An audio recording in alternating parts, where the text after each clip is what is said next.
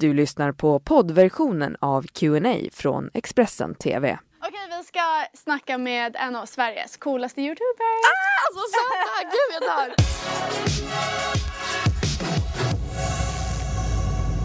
Amanda Lundgren, välkommen hit! Tack för att jag får vara här. Ja, men alltså, hur mycket energi har man inte hunnit fått av Amanda hittills?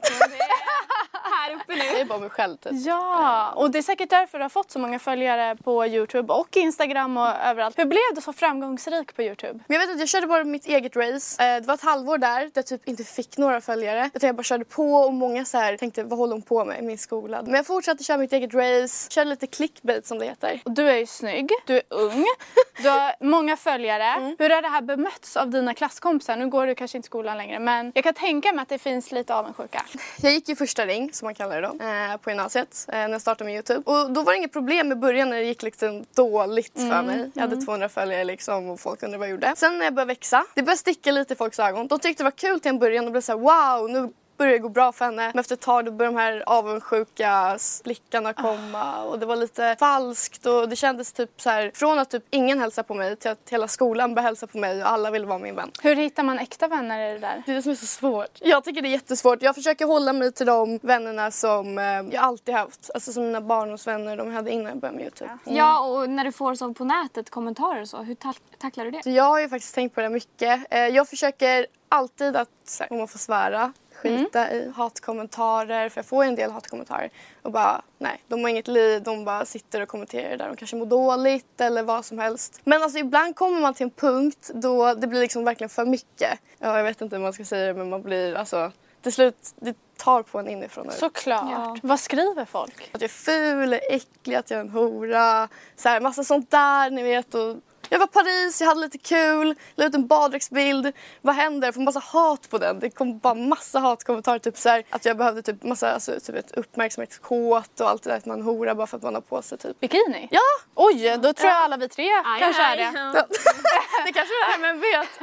Nej men alltså gud vad fjantigt. Men eh, vi kan ju sitta här och säga att det är fjantigt och du kan säga det med ett leende på läpparna nu. Du måste också bryta ihop ibland. Jo, nej, men det är klart är det. Eh, jag kommer ihåg mina första hatkommentarer. Det var typ såhär någon, typ såhär du är ful eller du är tjock eller något sånt där. Oh, man vill inte ta åt sig men man tog åt sig lite och sen blev det massa hat och då tog man åt sig men nu försöker jag ändå tänka bort det när det ändå gått liksom två och ett halvt år. Men när man bryter ihop när det blivit så mycket efter ett tag, alltså det är, jag vet inte, men alltså man måste bryta ihop ibland. Det är klart man får det. Ja. Eh, Självklart. jag är liksom en människa, jag är ingen robot. Alltså det är, bara för att man har mycket följare på Instagram eller Youtube så betyder det inte att man inte är omänsklig. Men till något som kanske är lite mer positivt. Du har ju väldigt mycket följare och så och de ser ju, eller många ser ju säkert dig som sin förebild.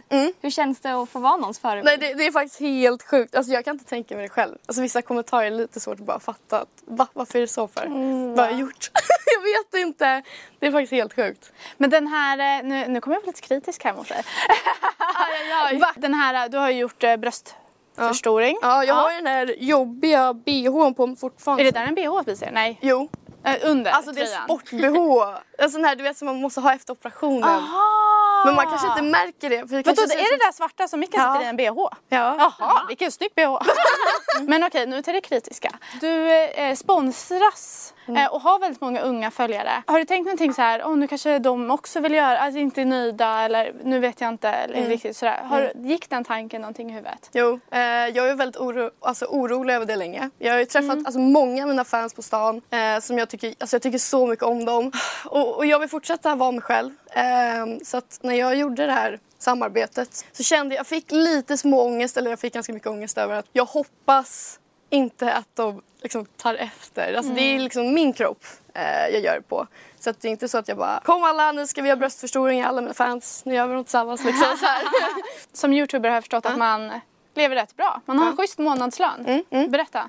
Nej men det är kanske lite mer som sker bakom kameran än vad man tror. Typ att man går på möten, eh, intervjuas. Vad ungefär skulle kunna vara vad du kan ta ut och vad kan det Alltså vara det har varit så, så här vissa månader eh, så man tjänar ju pengar på Youtube också via annonser innan klippet. Eh, och vissa månader kan det vara typ så här 150 och vissa månader kan det vara 50. Så att det är ju väldigt olika liksom. Schysst spann ändå mellan 50 och 150.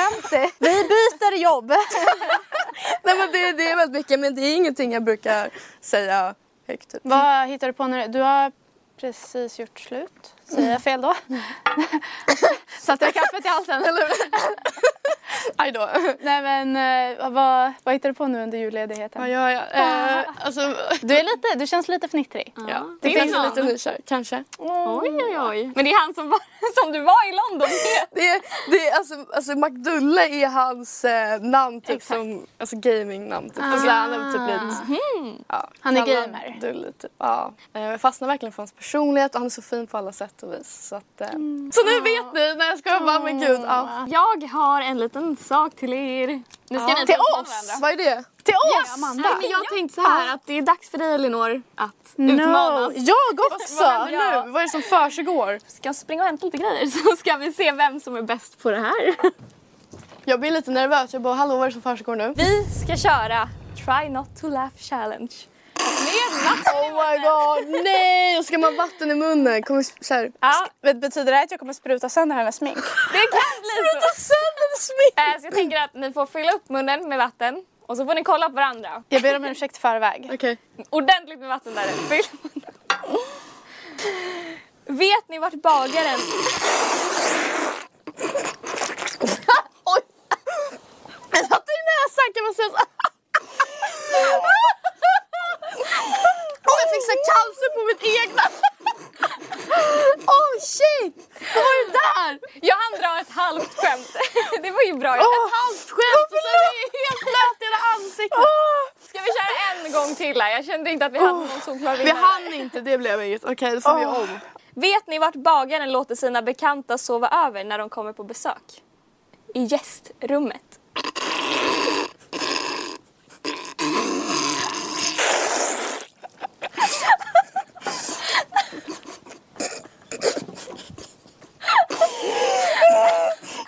Alltså jag känner så här, Amanda är ju vinnaren hur vi än gör. Du bara...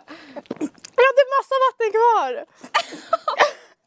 Jag sjunger så. Vad sjöng Barack Obama när han blev dumpad? Obama self. Okej, nej det var inte tråkigt.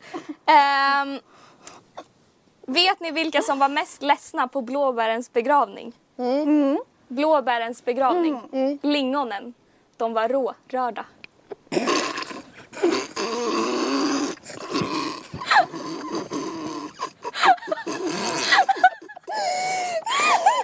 Okej, kör en till. Du kanske klarar det. Kom igen Elinor. Klarar det? Okej. Eh, hur...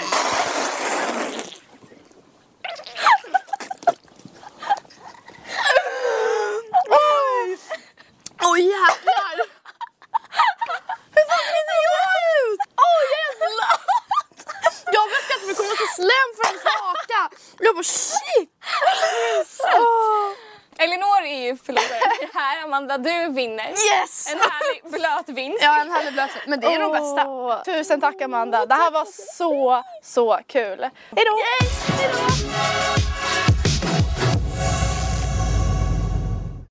Du har lyssnat på poddversionen av Q&A från Expressen TV.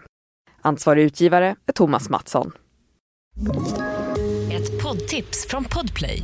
I fallen jag aldrig glömmer djupdyker Hasse Aro i arbetet bakom några av Sveriges mest uppseendeväckande brottsutredningar. Går vi in med hemlig telefonavlyssning och, och då upplever vi att vi får en total förändring av hans beteende. Vad är det som händer nu? Vem är det som läcker? Och så säger han att jag är kriminell, jag har varit kriminell i hela mitt liv men att mörda ett barn, där går min gräns. Nya säsongen av Fallen jag aldrig glömmer på Podplay.